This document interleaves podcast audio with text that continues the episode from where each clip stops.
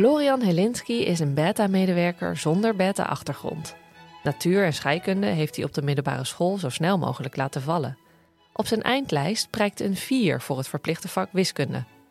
Bij de meeste onderwerpen binnen de faculteit denkt Helinski nogal eens: waar gaat dit over? In de podcastreeks Atomen en zo krijgt Helinski antwoorden op vragen die al lang gesteld zijn. Hallo allemaal, ik zit hier met uh, Carlijn Dinnissen. Um, en zij werkt bij het departement Informatica en Informatiekunde. Ja. En Carlijn, wat is eigenlijk het verschil tussen die twee dingen? Uh, ja, wat het verschil is, uh, computer science is eigenlijk meer um, echt in de diepte op uh, computerniveau. Dus je leert heel goed hoe een computer werkt. Je leert ook programmeren. En bij informatiekunde leer je daar wel wat van, maar is het niet per se allemaal gericht op de computer, maar ook de impact bijvoorbeeld van de computer op de samenleving en um, op de mens. Op de mens. Ja, de, de, de mens binnen de samenleving. Ja. En ook de rol bijvoorbeeld van een computer binnen een bedrijf. Uh, je hebt eigenlijk verschillende takken binnen informatiekunde. En ik weet ook meer over informatiekunde omdat ik daar meer bij betrokken ben. Ja. Um, en je leert ook bijvoorbeeld um, interactieve systemen ontwerpen. Uh, je leert met data werken. Maar met data werken doe je dan bijvoorbeeld ook wel weer binnen computer science. Dus er is overlap. Um, en er zijn ook veel vakken die je binnen allebei de bachelors kan volgen. Maar de computer science tak is wat technischer. Ben je misschien dan vooral geïnteresseerd in uh, de impact van computers op de maatschappij? Uh, ja, inderdaad. Dat is wel wat ik ook het interessantste vind aan het hele vakgebied. Um, de, de impact die uh, computers kunnen hebben en hoe je daar ook als mens weer uh, een soort richting aan kan geven. Dus dat het een impact is voor het goede. Um, en, uh, en ja, daarbij stilstaan dat je ook een impact kan hebben. En is er een aanleiding voor dat je juist in die kant geïnteresseerd bent? Um, ik denk het wel voor, ja, ik kom zelf eigenlijk ook niet uit die uh, informatiekunde, informatica hoek. Ik heb communicatiewetenschappen gestudeerd. Um, dus ik ben, uh, net als jij, ook niet echt een beta vanaf het begin. Um, en bij communicatiewetenschappen leer je heel erg hoe, een, hoe je een boodschap goed kan overbrengen en effectief kan overbrengen, bijvoorbeeld. En ook wat voor verschillende communicatiestijlen werken in verschillende situaties en voor verschillende publieken. Um, en in mijn master heb ik toen een, uh, het heette Human Aspects of IT. Dat was in Tilburg een master. En daar heb ik eigenlijk meer kennis ge gemaakt met wat, uh, ja, wat van het communicatieproces kunnen computers ook. En hoe werkt dat dan precies? En daar komt eigenlijk mijn interesse vandaan. Daarna ben ik ook uh, data-analyst geworden en de IT ingegaan. En um, ja, toen ik daarin zat, wilde ik eigenlijk weer heel graag terug naar de academische wereld om um, zelf ook bij te kunnen dragen aan het onderzoeksveld. Dus nieuwe dingen te ontdekken. Ja. En dit was een hele goede aansluiting op eigenlijk die communicatieachtergrond en de IT-werkervaring uh, uh, die ik had opgedaan. Want op je profiel zie ik dat je je onder andere bezighoudt met muziek-aanbevelingssystemen. Ja, dat klopt. Ik onderzoek naar eerlijkheid en detectie van vooringenomenheid van muziekaanbevelingssystemen. Ja. Is dat een beetje zeg maar je onderzoeksveld? Ja, ja. Uh, algoritmes? In zin wel, ja. Oké. Okay. het is jouw zin eigenlijk, maar ik kan hem vertaald. Ja. Dus, uh, nou. ja, het is moeilijk vertalen naar het Nederlands. Ik zal ja. waarschijnlijk af en toe wel een Engels woord ergens oh, laten vallen. en, en luister je dan ook heel veel Spotify op je werk? Of uh, valt het wel mee? Um, ik luister, ja, veel Spotify, ook veel muziek op YouTube.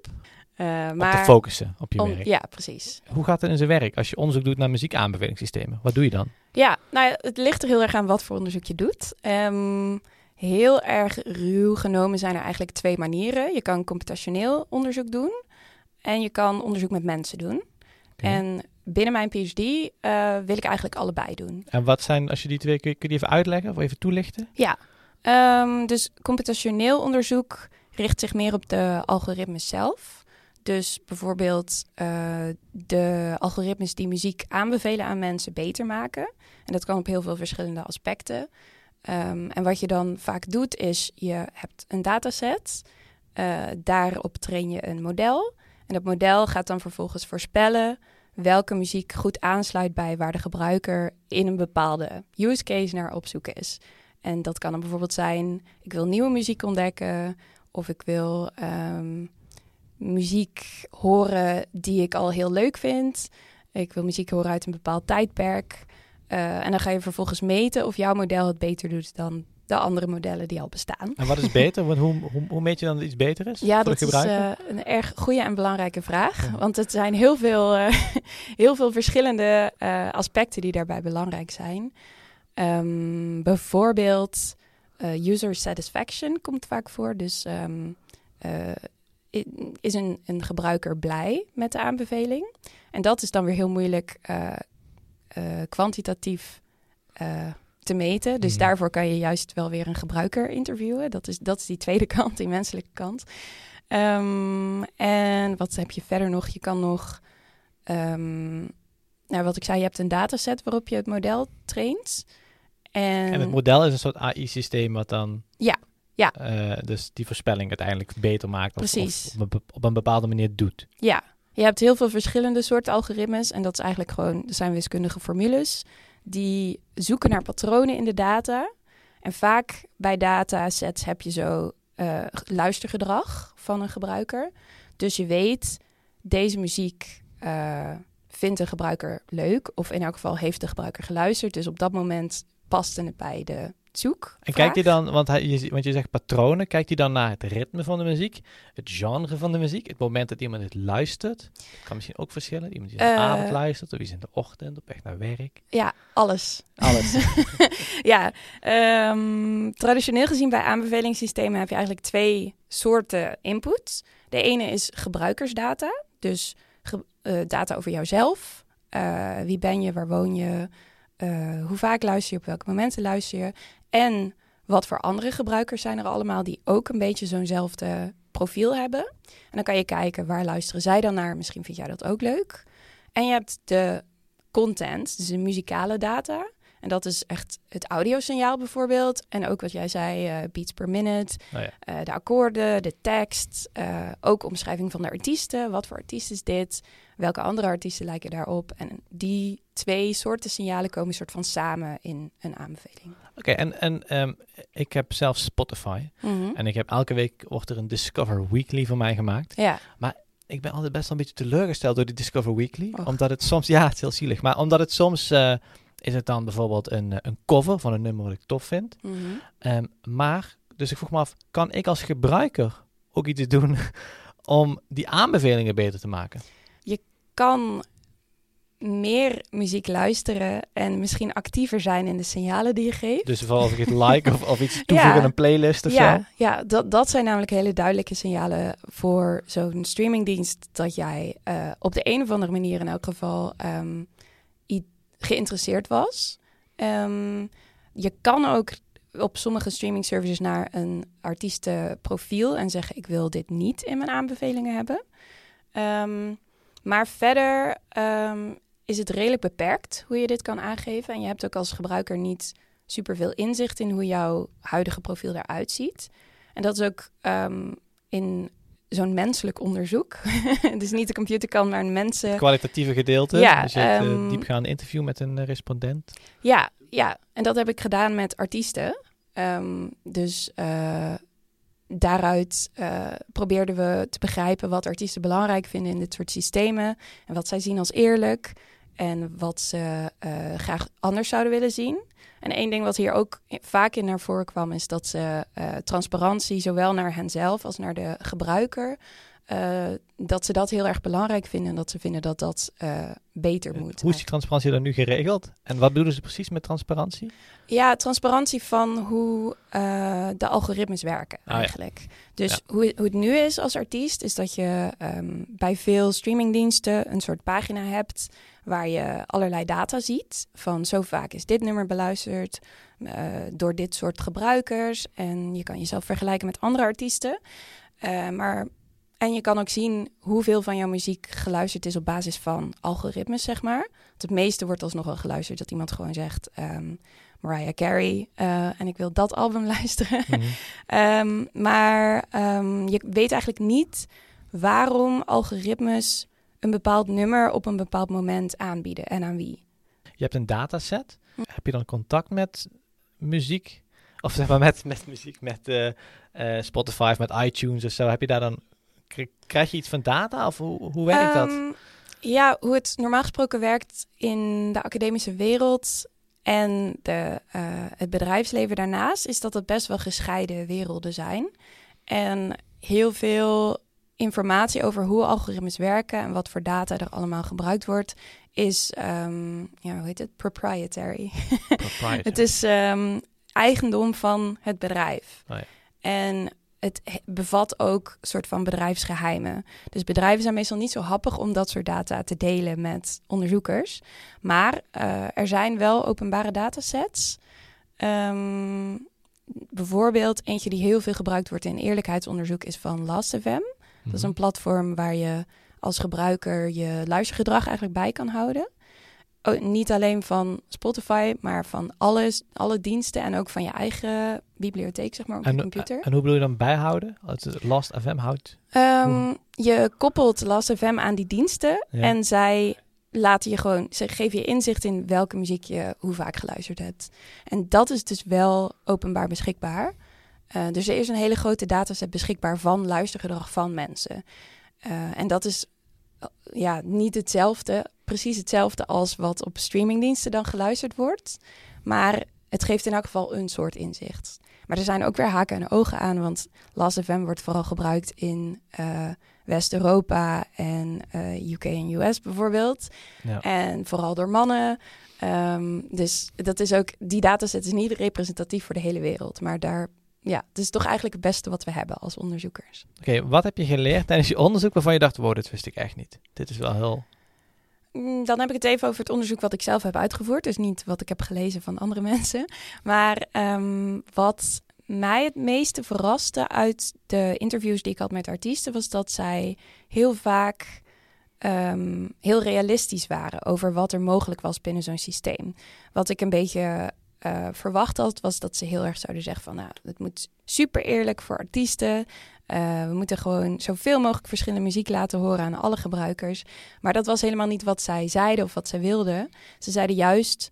Um, voor de gebruikers die dat willen, moet het mogelijk zijn om bijvoorbeeld diverser uh, aanbod te krijgen.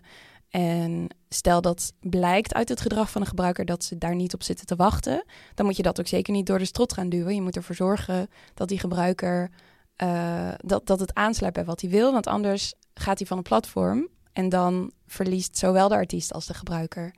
Uh, dus ze, waren ze waren veel bezig met echt realistisch gezien hoe, hoe, hoe kan je luistergedrag diverser maken zonder dat de gebruiker afhaakt. Ja. En ze hadden daar ook echt leuke um, ideeën voor hoe je dat in de user interface bijvoorbeeld kan verwerken. Zoals? Uh, veel over eigenlijk wat jij zei in het begin van hoe kan ik nou als gebruiker mijn playlist beter maken voor mij.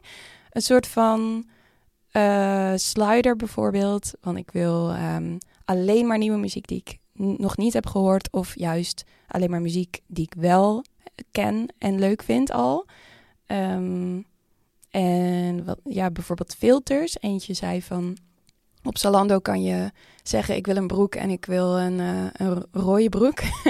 en bij een streamingdienst zou je misschien kunnen zeggen: Ik wil nu muziek uit Nederland, uit de 90s en. Um, ja, en in de goede. Ja, want ook in mijn Discover Weekly dan komt er opeens een nieuwe Juf Roos. Ik heb twee kinderen.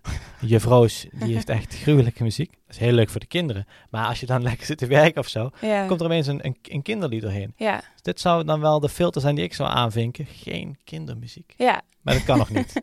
nee, ja, als je gewoon, uh, uh, als je ook nog een soort van textuele opdracht zou kunnen geven, dat zou helemaal vet zijn natuurlijk. Maar dat is nog een stuk moeilijker, denk ik. Ik weet wel dat er ook onderzoek wordt gedaan naar het onderscheiden van verschillende gebruikers die op één account zitten. Dus misschien dat ze in de toekomst beter kunnen herkennen dat jij het bent, die op dit moment aan het luisteren is en dat ze dan juffrouws weglaat. Precies. Toch niet mijn interesse. Nee. Hoewel, het is natuurlijk wel heel muzikaal. Um, en waarom ben jij zo geïnteresseerd in muzieksystemen of gewoon muziek? Want dat is je, je onderzoek. Hoe ben je bij dit onderwerp beland? Uh, ik heb muziek gekozen omdat ik ook al eigenlijk sinds jongs af aan uh, bezig ben met muziek. Als uh, muzikant en ook als luisteraar. Ik ga ook graag naar concerten, festivals en zo. Ehm, dus dat vind ik zelf heel leuk. Ik vind het ook leuk om op de hoogte te blijven van wat er gebeurt in de muziekindustrie. Ehm, en dit kwam op mijn pad en eh, eh, toen dacht ik, nou bingo, dat is voor mij. Ja, kan in bakkie. ja. En um, hoe zien dit soort systemen er over twintig jaar uit? Denk je? hoe is het? Uh, hoe is het? Ja. Hoe, of, ja, of misschien, hoe luisteren op onze computers van die tijd? Hoe, hoe luisteren we dan naar muziek? Oh, dat is een, uh, een hele moeilijke vraag. Want als ik nu bedenk, hoe was het twintig jaar geleden? Dat is totaal niet vergelijkbaar. Even kijken, twintig jaar geleden ja, toen... mp3'tjes, denk ik, hè? Ja, toen, toen zaten we in het uh, download ken de tijdperk, denk ik. Ja, de Pirate Net, Bay. De Pirate Bay. Ik dan. Uh, ja, ja, ja. ja. maar um, sindsdien is er zoveel veranderd doordat streamingdiensten um, natuurlijk zijn begonnen. En ook doordat we nu veel meer um, machine learning toepassingen hebben, zoals aanbevelingen. dus ik denk nou, wat we nu zien is um, de superhype rond ChatGPT en dat soort algoritmes. Um, en ChatGPT genereert dan tekst, maar je hebt ook algoritmes die genereren um, muziek. En... muziek of muziek, zeg maar, dit vind je leuk? Nee, echt muziek, muziek. Muziek, muziek. Okay, echt muziek. de noten, zeg ja, maar. En, en de, de zang en de beats. En ja, de... ja. Oké. Okay. En die zijn uh, ook bijvoorbeeld al zo goed dat ze heel erg um, natuurgetrouw de stem van een artiest kunnen nabootsen. Um, dus daar is nu heel veel om te doen van hoe zit dat nou met rechten. Want in principe, zo'n model bedenkt niet zelf muziek. Het gebruikt gewoon de data die erin uh, gevoed ja. is, waarmee het mee getraind is. Um, dus ik, ik ben heel erg benieuwd hoe dat zich gaat ontwikkelen, zeg maar. Maar dat, dat is dan vooral op muziekindustriegebied. Uh, en op gebied van algoritmes, ja, het is echt ja. Ik, wat er over vijf jaar mogelijk is, kan ik al nee, eigenlijk nee. niet voorspellen. Dat zijn en uh, is het voor mij, denk ik, persoonlijk hoop op een Jay-Z-album dat rapt over het Limburgse plattelandsleven? Dat, ja, dat kan je nu al maken als je wil. nou ja, Jay-Z is natuurlijk wel... Dan, mm, er, er is geen data dat hij Nederlands praat. Dus ik weet niet of, oh, dat, ja. al, uh, of dat al mogelijk zou zijn. Misschien maar je kan het wel in het Engels. Ja. Kan je het uh, wel maken. Ja. Okay. nou, Carlijn, dankjewel. Ja, graag gedaan. En uh, het was superleuk.